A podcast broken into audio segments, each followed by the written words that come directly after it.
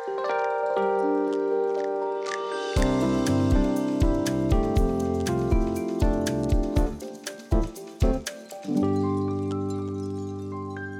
Lucas, we zijn bij jou thuis, vijf hoog in Zwolle, want je studeert hier nog. Gezellig kamertje, klein, systeemplafond nog aan de muur.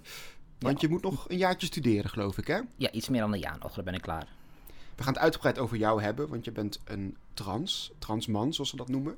Klopt. En je zit ook nog in je, in je transitie. Ik ben heel benieuwd eh, ja, hoe dat traject verloopt, maar ook hoe de maatschappij erop reageert, want die kan best wel weerbarstig zijn. En toch heel benieuwd, wanneer merkte je bij jou voor het eerst dat er iets niet helemaal klopte? Ehm, nou ja, als ik nu achteraf terugdenk, dan is het eigenlijk vanaf kinds af aan eh, al wel. Dat ik altijd wel merkte dat er iets was, maar ja, wist nooit echt wat.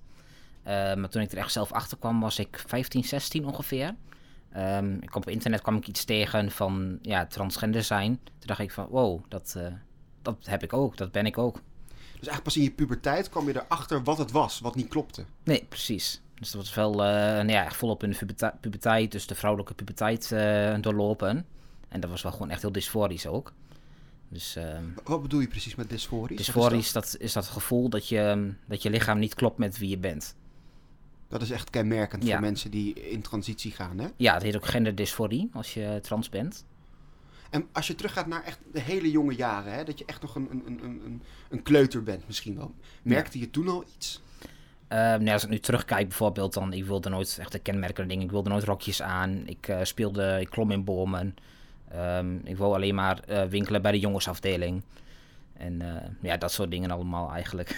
dus voor de kleren ging je naar de kinderafdeling, maar dan waren de jongetjes... ja, eh, precies. ja. Dat eh, bedoel, het hoeft natuurlijk niet per se ehm, te zijn dat dat... Ja, dat als je jongenskleding hebt, dat je ook een jongen bent. Maar ja, Nee, tegenwoordig zijn we daar natuurlijk wat, precies. ja, wat milder in geworden, hè? Dat Ja. speelgoed bijvoorbeeld ook allemaal wat genderneutraler moet zijn. Ja, dat is wel heel fijn. En wat deed je toen, hè, als je dan zo jong bent, wat doe je dan met die gevoelens? Ehm, nee, ik had niet echt door dat, wat er was. Dus ja, ik ging gewoon verder met mijn leven. En ehm, ja, niet echt iets mee gedaan toen. Lijkt me ook wel bizar, als je dan, je voelt dat er iets niet klopt, maar je kunt niet helemaal plaatsen wat dat dan is. Ja, want ik ben echt in een heel eh, klein eh, gelovig dorp eigenlijk wel opgegroeid. Dus ja, het hele transgender zijn kende ik ook niet. Dus ja, het was echt eh, dat ik later pas op internet tegenkwam dat ik zoiets had van, wow, ja, dit, dit is het. Toen viel de, de puzzel op zijn plaats, zeg Ja. maar. Wat, wat las je dan bijvoorbeeld? Hoe kwam je er voor het eerst achter dat je echt dacht van... Oké, maar zo zit het dus. Ja, ik weet niet eens meer waar ik het las op internet. Volgens mij was het de site transman.nl dat ik daarop kwam. Of volgens mij was het die website. Ik weet niet helemaal zeker meer. Maar daar las ik dus eh, dingen over van mensen, de ervaringen van hoe ze zich voelden. En dat ik echt zoiets had van, eh, oké, ja, dat is het. Ik weet nog wel welk nummer ik aan het luisteren was. Oh ja? eh, dat nog wel. En hoe waar ik Dat zat. specifiek, dat je dat dan nog Ja, herinnert. maar ik weet niet meer echt precies wat ik heb Welk gelezen. nummer was het? Ehm, ja, was van Glee toen de tijd was in die serie. Oh En ja, eh, ja. Silly Love Songs was ik toen aan het luisteren. Wat grappig. Ja, dat weet ik dan nog wel. Maar wat ik precies gelezen heb toen, dat eh, weet ik eigenlijk niet meer. En als je er dan achter komt, zijn, dit dan dingen die je kan bespreken met je ouders... of met je familie of met vrienden? Ehm, nee, ik heb het eigenlijk wel heel lang weggestopt eh, eerst. En toen ja, begon ik ook wel depressiever te raken. Ehm, ontwikkelde ik een eetstoornis. Omdat ik gewoon... Ik probeerde het weg te drukken. Ik probeerde heel vrouwelijk te doen. Want ik had zoiets van... Ik wil niet dit hele traject ingaan. Ik stop het gewoon weg. Misschien gaat het wel over. Schrok je er dan misschien van? Ik denk het wel. Want ja, ik kende ook helemaal niemand die trans was. Dus het was toch wel een hele ja, nieuwe ervaring eigenlijk. Ja. En, en die, die problemen die je omschrijft, de depressie, eetstoornis... die kwamen eigenlijk voort uit het feit dat je trans was. Ja, omdat ik gewoon alles wegdrukte en er niet meer om kon gaan. Dat eh, dat allemaal eigenlijk ontstond. Dus dat was wel eh, vrij lastig. Ja, wat rot. Ja. En hoe reageerde daar, eh, je omgeving daar dan op? Want ze zagen natuurlijk ook met je, dat het dan niet zo goed met je gaat. Nee, klopt. Eh, mijn moeder had het ook echt wel door eh, dat er iets was. Eh, maar ze wist niet wat. En op een gegeven moment toen ik 17 was... toen kwam ze naast me zitten op de bank en zei ze van... oké, ehm, nu vertel je wat er is. En ben ik eigenlijk heel blij dat ze dat gedaan heeft. Want toen heb ik er ook wel uitgegooid van... ja, mam, ik ben een jongen. En ehm, ja, dus was eigenlijk meteen... eh dus mijn vader gebeld toen. Die eh, leefde toen nog. En ehm, dat, eh, dat we ook aan hem gingen vertellen wat er eh, aan de hand was. En toen hebben ze eigenlijk meteen een afspraak voor mij gemaakt bij de dokter, bij de huisarts. Dus Ja. ze reageerden heel goed, Ja, het was, waren echt eh, gelukkig. heel eh, ondersteunend. Dus dat was echt heel fijn. Ondertussen zit hier een kat op de bank die wat Ja. aandacht wil. Hè? Dat is Hunter. Hunter is een ongelofelijke lieve, lieve kater. Oh, hij wil wat aaien. Ja. Ja. Oké, dus je vertelt aan je ouders dat je, dat je eigenlijk een jongen bent. Ja. En, eh, en zij gaan daar meteen mee naar de huisarts. Ja, dat is uh, hadden zoiets van. ehm, ja, mijn vader die grapte vroeger altijd wel van. eh, heel plat gezegd. Oh, je laat je laten vast ombouwen. Dat zeiden ze vroeger toen ik kind was. De ombouwen is echt niet de correcte term daarvoor. Maar ja, dat eh, zei hij vroeger dus blijkbaar al. Dus En, hij, eh, hij zag eigenlijk wel vroeger al dat jij... Ja. Dus toen ik het zei, ze waren niet heel erg geschrokken. Maar ze vonden het meer lastig voor mij dat ik dan het hele traject moest doorgaan. Dat ik me zo voelde. Want En, en wilde je dat op dat moment? Want er zijn natuurlijk ook transpersonen die ervoor kiezen om niet dat hele traject in te gaan. Klopt, maar ik wilde dat juist wel, omdat ik gewoon, ik wilde gewoon mijn lichaam laten kloppen met ja, wie ik ben. Dus eh, ik wilde dat wel heel graag. En toen ben ik dus ook, ehm, ja, vanuit de huisarts heeft hij mij doorgestuurd naar het genderteam in Groningen.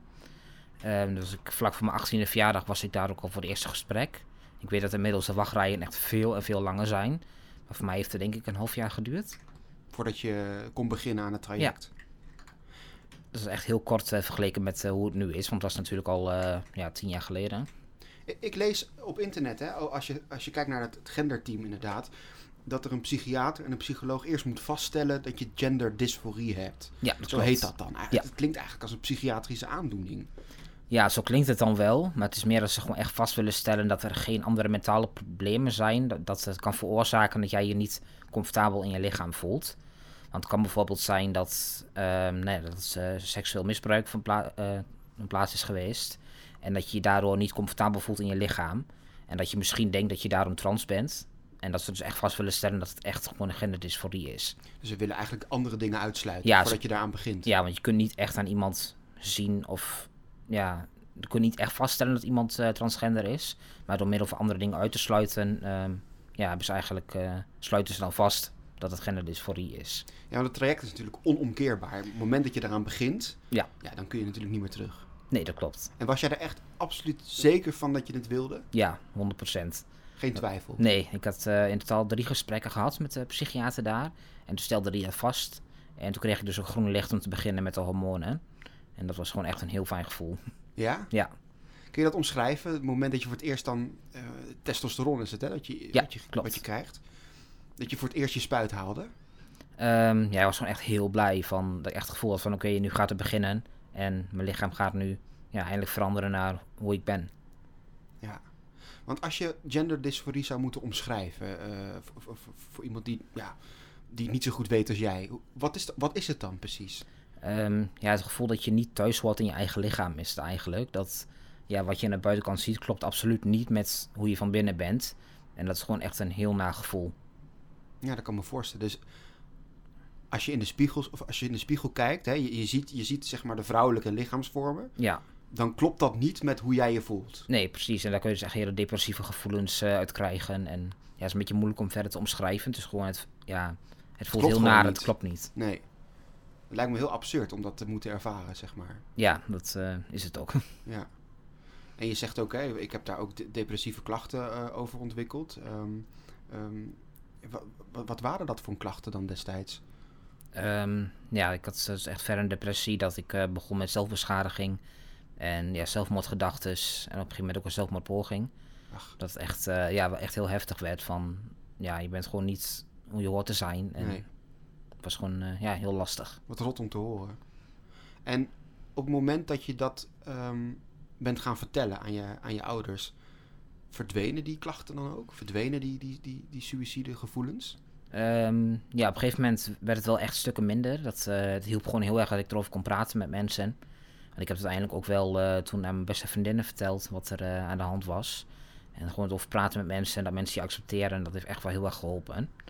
Ehm, ja, ik- naast het genderdysforie kamp ik gewoon sowieso al met eh, depressie. Dat, eh, ja, Het ik staat hier los van. ja, gewoon chronische depressie heb ik en een angststoornis staat er ook los van.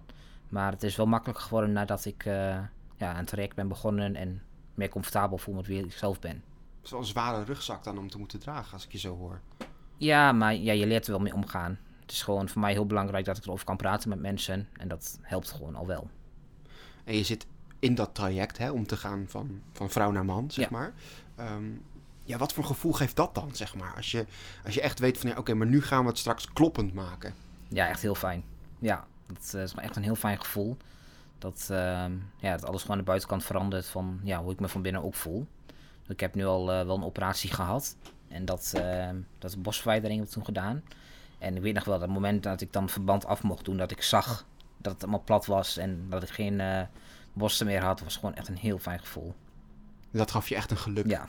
Zeg maar, dat, dan, dan kijk je in de spiegel en dan klopt het. Ja, precies. Ook dat je naar beneden kijkt en dat het echt gewoon. Uh, ja, dat, dat, het dan weg is, ja. Ja, dat was echt heel fijn. Maar tegelijk natuurlijk ook wel een hele ingrijpende operatie. Ik bedoel, het is echt... Ja.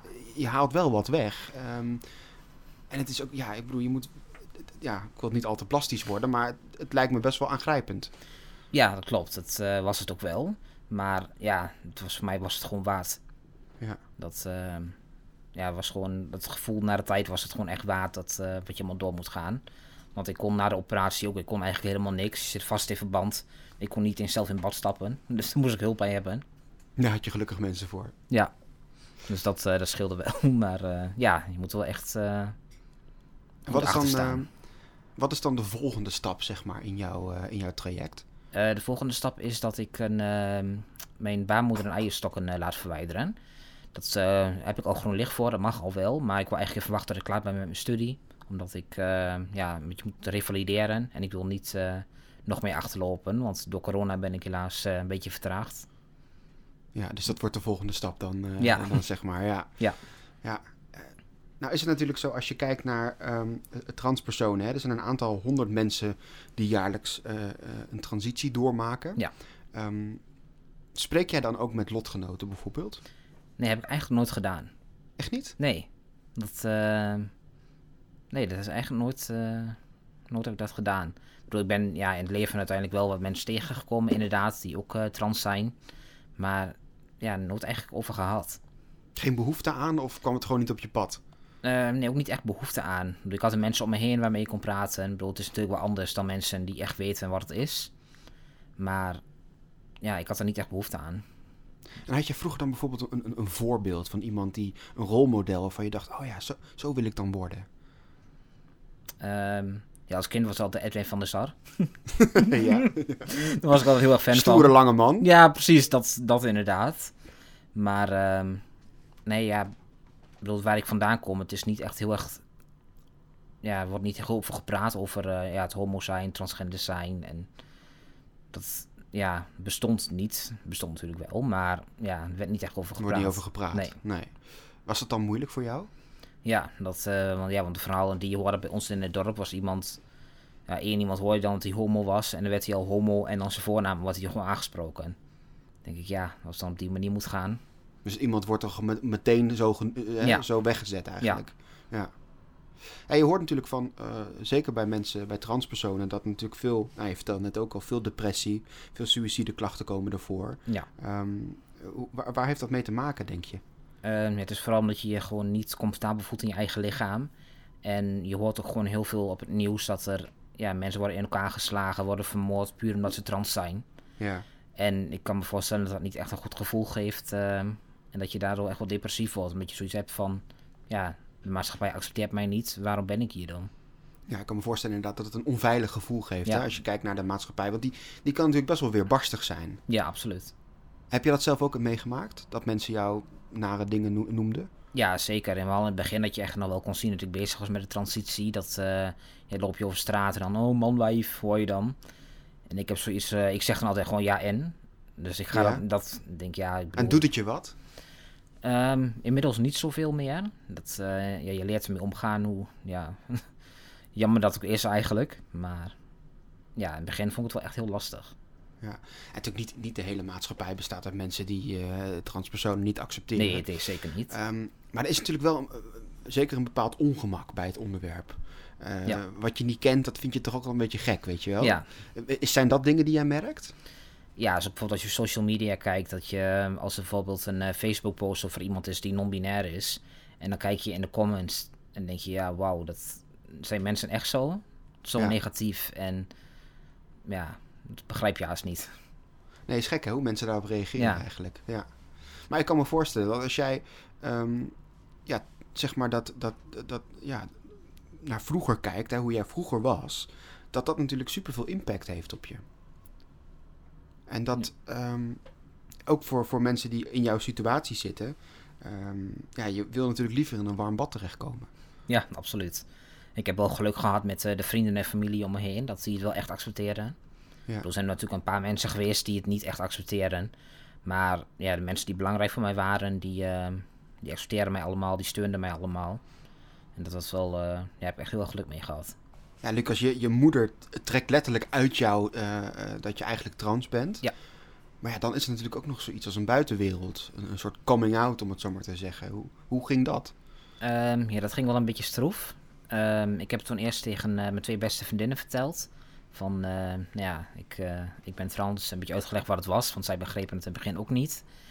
En wat bleek is dat een van die vriendinnen heeft het gewoon naar buiten gebracht en andere mensen verteld. Heeft gewoon gelekt? Ja, en toen kreeg ik op een gegeven moment een uh, berichtje van een vriendin, een, was een vriendin van mij, nu niet meer.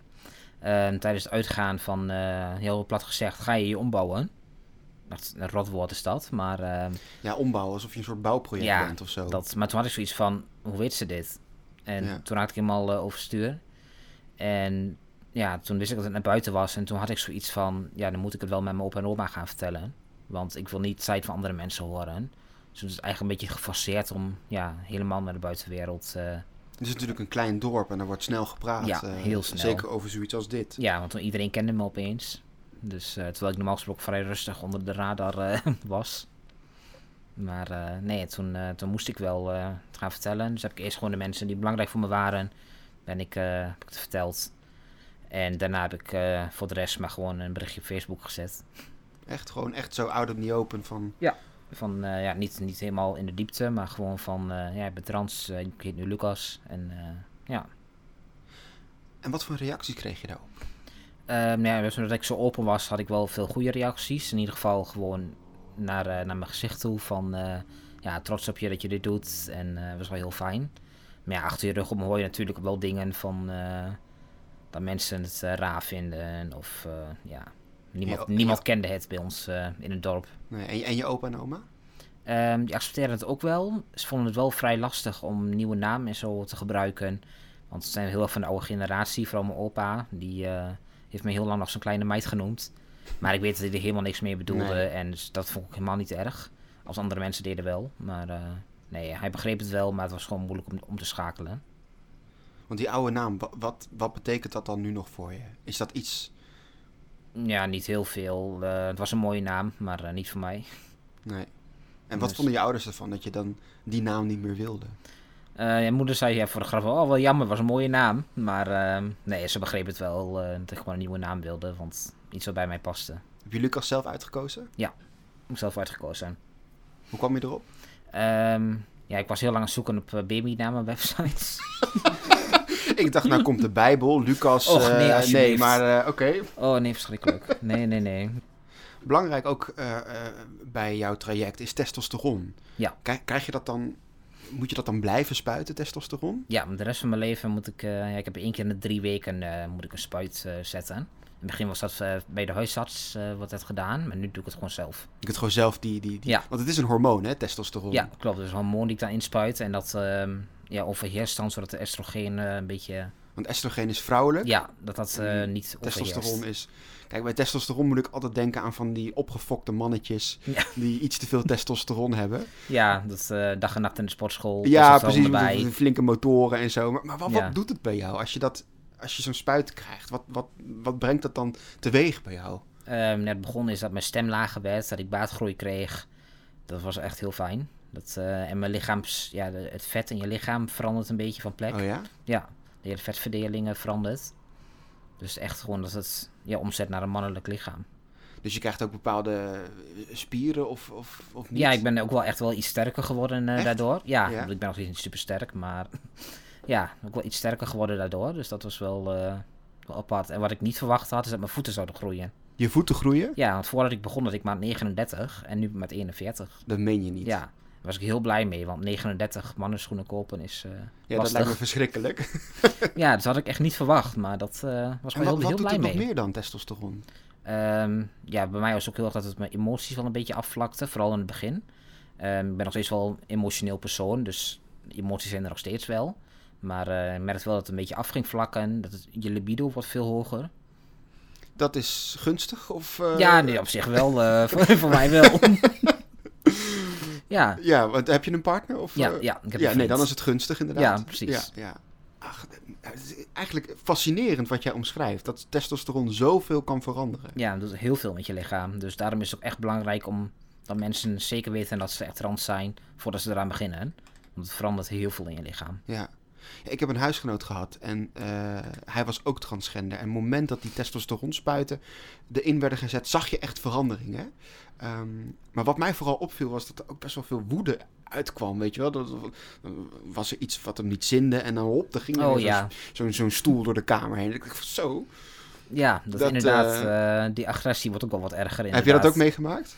Ja, niet, niet in die mate, maar wel inderdaad, ik merk dat ik wel iets sneller boos word. Ja, Ja, wat natuurlijk ook interessant is, ehm, we hebben natuurlijk vaak over de verschillen tussen mannen en vrouwen. Jij kent Ja. beide werelden. ja precies. Dat, eh, ja, toch wel apart dat ik ja, toch beide werelden ken. Ja, soms als ik dan met, ik ga veel met vrouwen om, dus is het wel fijn dat ik weet, bijvoorbeeld als ze met een eh, menstruatie zitten, wat het is. En Ja, jij snapt dat. ja, Jij bent de enige man die dat Ja. misschien wel snapt. Toch? ja dus eh, dat is dan voor, ja, wel fijn mee, mee te kunnen praten. Ja, Maar eh, het is niet fijn dat ik het mee heb gemaakt. Maar eh, nee, dat snap ik inderdaad. Maar ook als, als, als jouw vriendinnen dan zich bijvoorbeeld afvragen met... oh, wa- waarom reageert die vent zo bot? Eh, of of, of, of moet, moet hij zo vaak met mij naar bed? Ik bedoel, jij, jij begrijpt wat Ja. testosteron met je doet, zeg maar. ja, inderdaad. Inmiddels ook een vriend? Hoe gaat dat? Ja, heel goed. Eh, We zijn nu iets meer dan twee jaar samen. Ehm, dus dat, hij accepteert ook gewoon precies hoe ik ben. Dus dat, hij is ook gewoon biologisch is die als man geboren, dus hij is niet trans. En eh, hij accepteert het gewoon helemaal, wat heel fijn is. Ik heb voor hem had ik wel echt heel erg moeite met relaties. Want ik had echt zoiets van, ja, mijn lichaam is niet helemaal ja, zoals ik het wil. En er is toch nog wel een, beetje een stigma over eh, ook mensen die homo zijn, dat ze dat vaak eh seks heel belangrijk vinden en dat er een penis aan moet zitten. Maar, dus dat vond ik heel lastig van, denk ja, hoe gaat dat dan? Ga ik ooit wel een relatie vinden? En ik had op een gegeven moment zoiets van, nou ja, ik vind het ook niet erg, ik blijf gewoon alleen. Maar toen heb ik toch via Tinder eh mijn vriend leren kennen. En dat ging echt vanaf het eerste moment gewoon meteen goed. Ja, dat kan me voorstellen inderdaad. Hè, als je dan inderdaad op het, op het relatiegebied begeeft... Dat, dat, eh, dat het in eerste instantie ingewikkeld is. Want wat, hoe reageren mensen dan als je ehm, ja, ervoor uitkomt dat je trans bent? Ehm, ja, de meeste wat ik dan heb meegemaakt, die zeiden van, eh, nou ja, als je later allemaal wel een penis krijgt, dat is het dan. Denk, dat is ja, het belangrijkste. denk ja, daar gaat het daar dan om. Ja. Maar eh, ja, dus dat was wel heel lastig, eh, vond ik. Gewoon, ja, ook omdat ik mezelf niet helemaal accepteerde van, ja, hoe doen andere mensen dat dan? En Maar als je niet van jezelf houdt, in die zin dat je... Hè, eh, dan is het natuurlijk ook moeilijk om van een ander te houden. ja, precies, dat eh zeggen. Dat zegt RuPaul ook altijd, van RuPaul's Drag Race. nou, bedankt. ja, nee, maar dat is, dat is wel zo inderdaad. Ehm, ik ben wel meer van mezelf gaan houden door mijn vriend. Dus dat is ook heel fijn. Maar- Want Hoe reageert je vriend daar dan op jou ehm, ehm, toen je het hem voor het eerst vertelde bijvoorbeeld? Ja, nou, hij, hij wist het toevallig nog. Want we hadden, eh, voordat we een relatie kregen, vijf, zes jaar daarvoor, zijn we één keer uit geweest. Oh echt? Ja, en dat, maar het was één keer en toen eh, niet, nooit weer gezien. Maar eh, toen kwam ik hem dus weer tegen en toen wist hij het nog. Dus dat was heel fijn, dus ik hoefde het niet nog een keer te vertellen. En hij zei van, nee, jij accepteert mij hoe ik ben. Ik, ik accepteer jou hoe jij bent. En dat is het. En hoe kijkt hij er dan aan dat er dan straks inderdaad een penis op zit? Dat is natuurlijk toch wel wat anders dan nu. Ja, precies. Dat, eh, nee, daar kijkt hij wel naar uit. En, eh, Oh ja? Maar het is niet het Hij belangrijkste. kijkt ernaar uit. Dus, Ja. ja. dat is fijn toch? Ja, ik... Ja, maar het is niet het belangrijkste voor hem. Nee, Eh, ik nee. bedoel, wat we nu hebben is ook gewoon goed en fijn. En ja, Maar je, je zegt, ik, ik, ik, ik vind het moeilijk om naar beneden te kijken. Eh, het hoort gewoon niet bij mij. Nee. Is, het dan, is het dan mogelijk om intiem te worden met elkaar?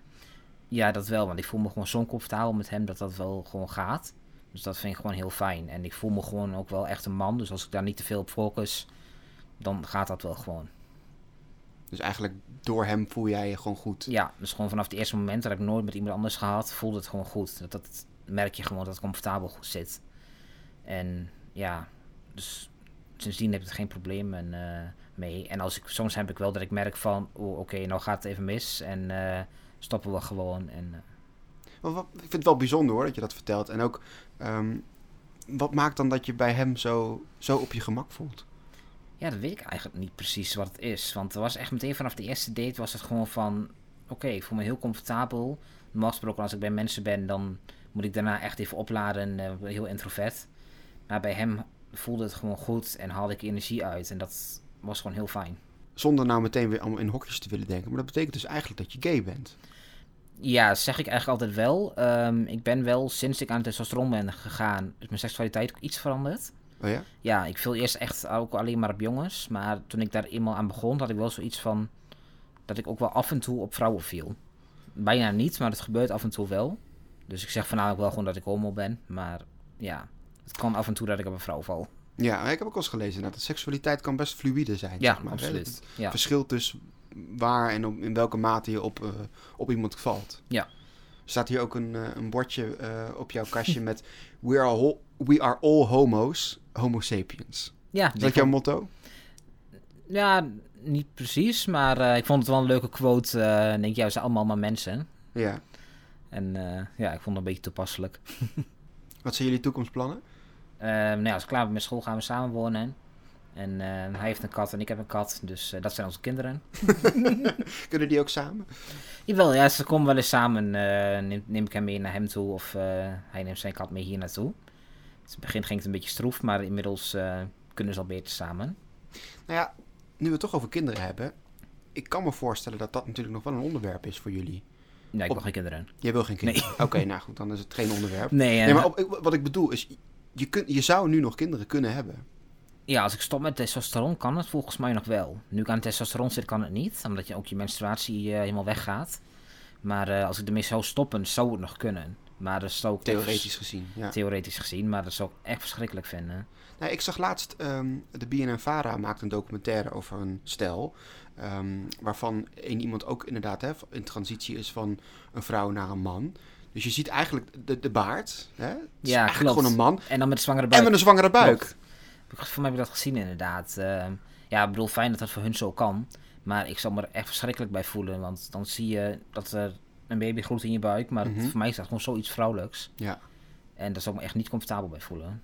je hebt een leuke kat. Ja, daarom. Dus Belangrijk. dat scheelt. daarom. Laten we het hebben over de samenleving. Want ehm, ja, natuurlijk, hè, ik bedoel, je, je volgt een traject voor jezelf. Ja. Maar uiteindelijk wordt daar op gereageerd, zeg maar. Ehm, hoe, hoe vind jij dat de samenleving, eh, samenleving op dit moment, anno 2022, kijkt naar transpersonen? Ehm, ja, het mag wel wat beter, vind ik. Het, eh, we doen alsof we in Nederland allemaal heel accepterend zijn. Maar ik vind wel dat nou ja, sinds de invoering van het homohuwelijk, dat is natuurlijk anders, anders dan transgender zijn, is het wel afgenomen met eh, acceptatie. Mhm. Dus er is wel echt, zijn ook echt statistieken van dat het echt minder is geworden. En ehm, ja, ik vind echt wel dat het beter kan. Dat heel veel trans mensen voelen zich natuurlijk niet meer veilig. Ik heb wel geluk dat in mijn omgeving heel veel mensen het wel accepteren. Maar ja, zelfs als je nu over straat loopt, dan ben ik soms nog wel bang dat mensen bijvoorbeeld aan mij zien dat ik trans ben. En dat- voel je je dan onveilig? Ja, absoluut. Dus als ik jou tegen zou komen, dan zou ik zeggen, hé, hey, dat is gewoon een kerel. Ja, dat, dat, heb, dat gebeurt meestal gelukkig. Maar ehm, nee, ik kan nog wel. Ik werkte ehm, tot een jaar geleden ongeveer, werkte ik in een restaurant. Nou had ik soms wel eens dat mensen mevrouw zeggen. En denk ik, hoe dan? Ja. ja, dat is ook natuurlijk ook rot om te horen dan. Ja, terwijl ik wel gewoon echt... eh, ja, ik heb baat in de keel en eh baatgroei. En dan denk ik, ja, oké. Maar als je elke keer dat soort dingen hoort, ehm, krijg je dan ook een dikkere huid? Ja, inmiddels kan ik er wel echt veel beter mee omgaan. Dat, eh, wat al zei, als mensen inderdaad over stra op straat wat naar me roepen... dan zeg ik gewoon ja en, en dan loop ik door. Verschilt bij welke soort mensen. Want als je echt van die mensen ziet van... ja, dat is echt al... Met een hoop testosteron? Ja, precies. Dat, ehm, dat vind ik toch wel eng altijd. Dus Dat dan, dan pas ik wel ja. op. Of als je een eh, hele groep van die jongeren bij elkaar hebt staan. Want daar is de acceptatie soms ook nog wel ver te zoeken. Dat, eh, In groepsverband. ja.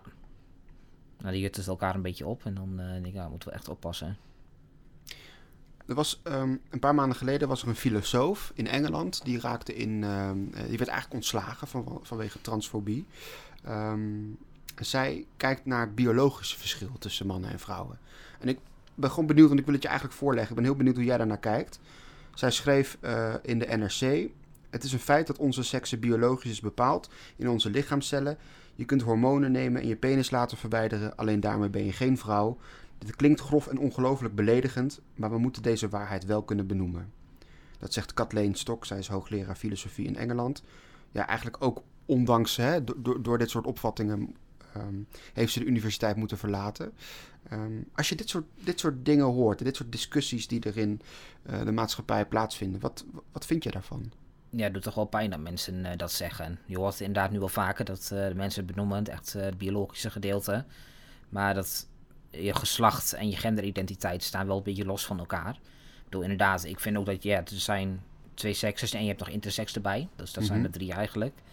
Ehm, maar je genderidentiteit is ja, hoe je je voelt in Hoe je, je voelt, ja. Dus eigenlijk, het gaat er helemaal niet om Nee. wat biologisch wel of niet klopt. Nee, want ik bedoel, biologisch ben ik geboren als vrouw, maar ik weet gewoon 100% dat ik een man ben. En dat is gewoon iets fout gegaan eh, in de baarmoeder, denk ik. En ehm, ja, dus ik vind echt dat dat niet klopt. Want ja, ik vind je geslacht en genderidentiteit staan wel eh, een beetje los van elkaar. Ja. Maar ik was gewoon benieuwd inderdaad wat jij hierop zou zeggen. Ja, dat is Ehm. inderdaad eh, een van mijn favoriete schrijfsters. Die is, blijkt ook eh, die uitspraken te doen. Dus eh Oh ja? een beetje jammer. Ja, J.K. Rowling van Harry Potter. Ja, dat klopt. Zij is ook heel erg in ophef, Ja. in discrediet geraakt eigenlijk, hè? Ja, Ja. Wat, wat doet dat dan met je inderdaad? Als inderdaad zo'n zo'n schrijver die je bewondert ehm, dit soort dingen zegt. ja, daar ga ik wel echt met een ander oog naar kijken. En daar heb ik wel een afkeer naar gekregen. Dan denk ik, ja, wat, laat mensen gewoon zijn hoe ze zijn. En eh, het heeft niks met jou te maken. Bedoel, als je niet weet hoe het is, kun je het niet over oordelen, vind ik. En jij weet hoe het is. Ja. Tegelijkertijd wordt natuurlijk ehm, eh, eh, transgender, non-binair, homoseksualiteit, het wordt ook omarmd. Hè? Ik bedoel, de regenboogvlag is nog nooit zo uitgebroken, uitgebreid geweest. Nee, Dus klopt. er is ook heel veel acceptatie. Ja, dat is heel fijn hoor. Laatst ook toen reed ik in Zwolle vlak bij de peperbus. En toen zag ik daar in de buurt ook dat ze hoge regenboogvlag en een transvlag aan het uitwaaien waren. Ik denk, oh, dat is toch echt eh, heel mooi. In Zwolle. ja, Ja. Ja, want dat is, natuurlijk, dat, is er ook natuurlijk. Hè? Er is Ja. ook veel steun en absoluut. mensen supporten je ook. Ja. Als jij ehm, ehm, naar, je, naar je jonge ik zou moeten kijken, ehm, wat had je dan gehoopt? Op welk advies, op welke steun eh, had je dan willen hebben? Ja, het misschien eerder benoemd zou worden wat homoseksualiteit is, wat ehm, transseksualiteit is. Dat ik misschien eerder achter zou komen. Wat heel fijn zou zijn geweest, want voordat je in de puberteit raakt kun je beginnen met puberteitsremmers. En dan ga je niet door de puberteit eh, ja, waar je niet in hoort eigenlijk. Hoe bedoel je dat precies? Dus hoe vroeger je begint, Ja, dus... eh, hoe beter het resultaat wordt, om het maar even zo te zeggen? Ja, een soort van. Dus ehm, als ik dan ehm achter was gekomen voordat ik in de vrouwelijke puberteit kwam, dan kreeg ik geen borstgroei. Dan kreeg ik, eh, dan ging het allemaal zich niet ontwikkelen. Omdat je dan puberteitsremmers kunt krijgen. En dan eh, op je 18e verjaardag kun je dan beginnen met eh, de testosteron of oestrogeen, ligt net aan welke kant eh, je opgaat. Maar daarvan zal de conservatieve stem natuurlijk ook zeggen: ja, maar dat moet je nog even mee wachten. Bij ja, kinderen. want het zijn maar kinderen. het zijn maar kinderen. Wat vind jij daarvan? Nou, omdat bijna iedereen die je hoort, die weet het eigenlijk wel als ze kind zijn. Ja. Natuurlijk niet iedereen, ik was er pas laat achter, maar als ik dan terugkijk, denk ik ja.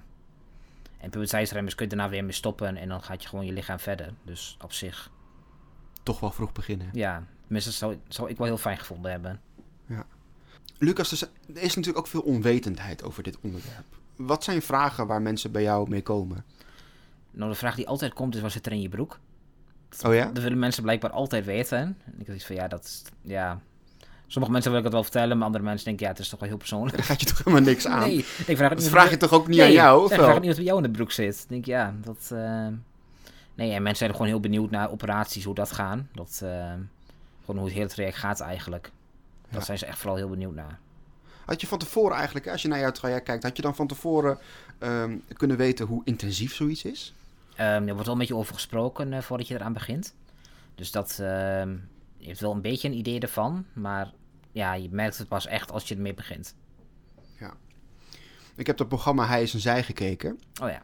En ehm, een van die transvrouwen, die is naar eh, Bangkok gegaan voor de operatie. Want, zo zegt zij, in Bangkok gaan ze gewoon echt voor een negen. Ik bedoel, als je kijkt naar wat ze daar maken, hè, in de vorm van een, een, een vagina of een penis, dat is echt heel bijzonder. Dat kunnen wij in Nederland niet. Er is heel veel expertise. Is dat iets wat jou dan bijvoorbeeld aantrekt? Dat je denkt, nou, misschien ga ik van een bank ook daarvoor. Ja, en ik vind wel inderdaad de opties die er nu in Nederland zijn, die staan mij ook niet aan. Nee? Nee, het is of ehm, het ziet er wel goed uit, maar dan werkt het bijvoorbeeld met, met eh, de seks niet. Of dan kun je niet staan plassen. Of er wordt, ja, het ziet er niet mooi uit. Maar ja, de opties die er nu zijn, vind ik niet helemaal eh, top. Nee. Nou, dat is Bangkok misschien toch nog Ja, een optie. Het wordt, wel. het wordt echt het, het, het mekka van de, van de, van de gender-operaties genoemd. Oké. Oh, Ze gaan er ik echt voor... niet, eh, eh. nou ja, vertel ik jou iets nieuws, zeg Ja, hallo. nee, inderdaad. ik wist wel dat mensen inderdaad naar andere landen gingen, bijvoorbeeld naar, naar België, maar dat is natuurlijk Ja. heel dichtbij, dus dat is anders. Maar, eh, Want dit is nog wel de operatie die... Ik zal niet vragen wat zit er in je broek, maar nee. het is nog wel de operatie die je moet ondergaan, toch? Ja, dat klopt. Ja, en dat wil ik ook wel gaan doen, maar ja, zodra ik klaar ben eh, met school. Het lijkt me ook wel gek op die manier, omdat je toch... Ja, je, je krijgt opeens een ander geslachtsorgaan. Ja, maar het is wel zeg maar het geslachtsorgaan wat bij mij hoort. Dus dan, dit voelt meer als het compleet maken eh, Mhm. ervan. Want je hebt natuurlijk nu nog een vagina. Ja. Als je dat ziet, ehm, is dat dan iets wat je, wat je, wat je als niet eigen ziet? Ja, absoluut. Nee, ik kijk er ook niet naar. Nee? Nee, dat is echt heel naar. Dus dat, eh, nee, wat, ja, dat voelt me toch wel heel dysforisch en dat het echt eh, niet klopt. Ik kan op zich daar beter mee omgaan dan toen ik, eh, voordat ik mijn bosverwijdering heb gehad. Daar kon ik nog slechter mee omgaan. Dus dat was voor mij ook echt wel het belangrijkste dat zou gebeuren. Maar dat is Misschien dus ook omdat inderdaad andere mensen dat dan ook ja, hè, zien, in- borstvorming. Ja, precies, dat ook inderdaad. En het is, ja, voor iedereen is verschillend waar ze meer last van hebben. Of helemaal niets, of bijna niet. En als je dan die laatste operatie hebt ondergaan, is het dan helemaal klaar? Of zijn er dan nog andere dingen die je graag wil of kan? Ehm nou ja, testosteron blijft natuurlijk altijd doorgaan. Maar verder, ehm nou, niet dat ik weet eigenlijk wat daarna nog... eh, Dan is het af. Dan Ja, is het compleet. eigenlijk wel, ja. ja. Ik hoop dat je dat snel eh, zult halen. Ik hoop het ook. Laatste vraag in, eh, in- in deze podcast is altijd, ja, welk advies heb jij voor mensen die luisteren? Misschien zijn dat mensen die ook voelen wat jij voelt. Misschien zijn het mensen die, ja, die genderdysforie wat beter willen begrijpen. Wat geef je ze mee? Ehm, ja, wees open. Dat, dat is iets wat bij mij ook heel belangrijk is geweest. Ehm, ik ben altijd heel open geweest naar andere mensen, ook als ze vragen hebben. Want ik heb gemerkt dat dat echt de acceptatie verbetert. En ook als je zelf open bent om erover te praten met je familie, met je vrienden, met psychologen of wie dan ook. Dat helpt gewoon heel erg om ook jezelf te begrijpen. En dan, eh, ja, dan merk je toch wel dat het veel beter voelt. Praat erover. Ja, Nou, dat hebben wij vandaag ook gedaan. Je was heel Precies. open naar mij, waarvoor dank. geen probleem. En eh, ik wens je veel succes. Sterkte in de toekomst. Ook met je studie. Ja, dankjewel.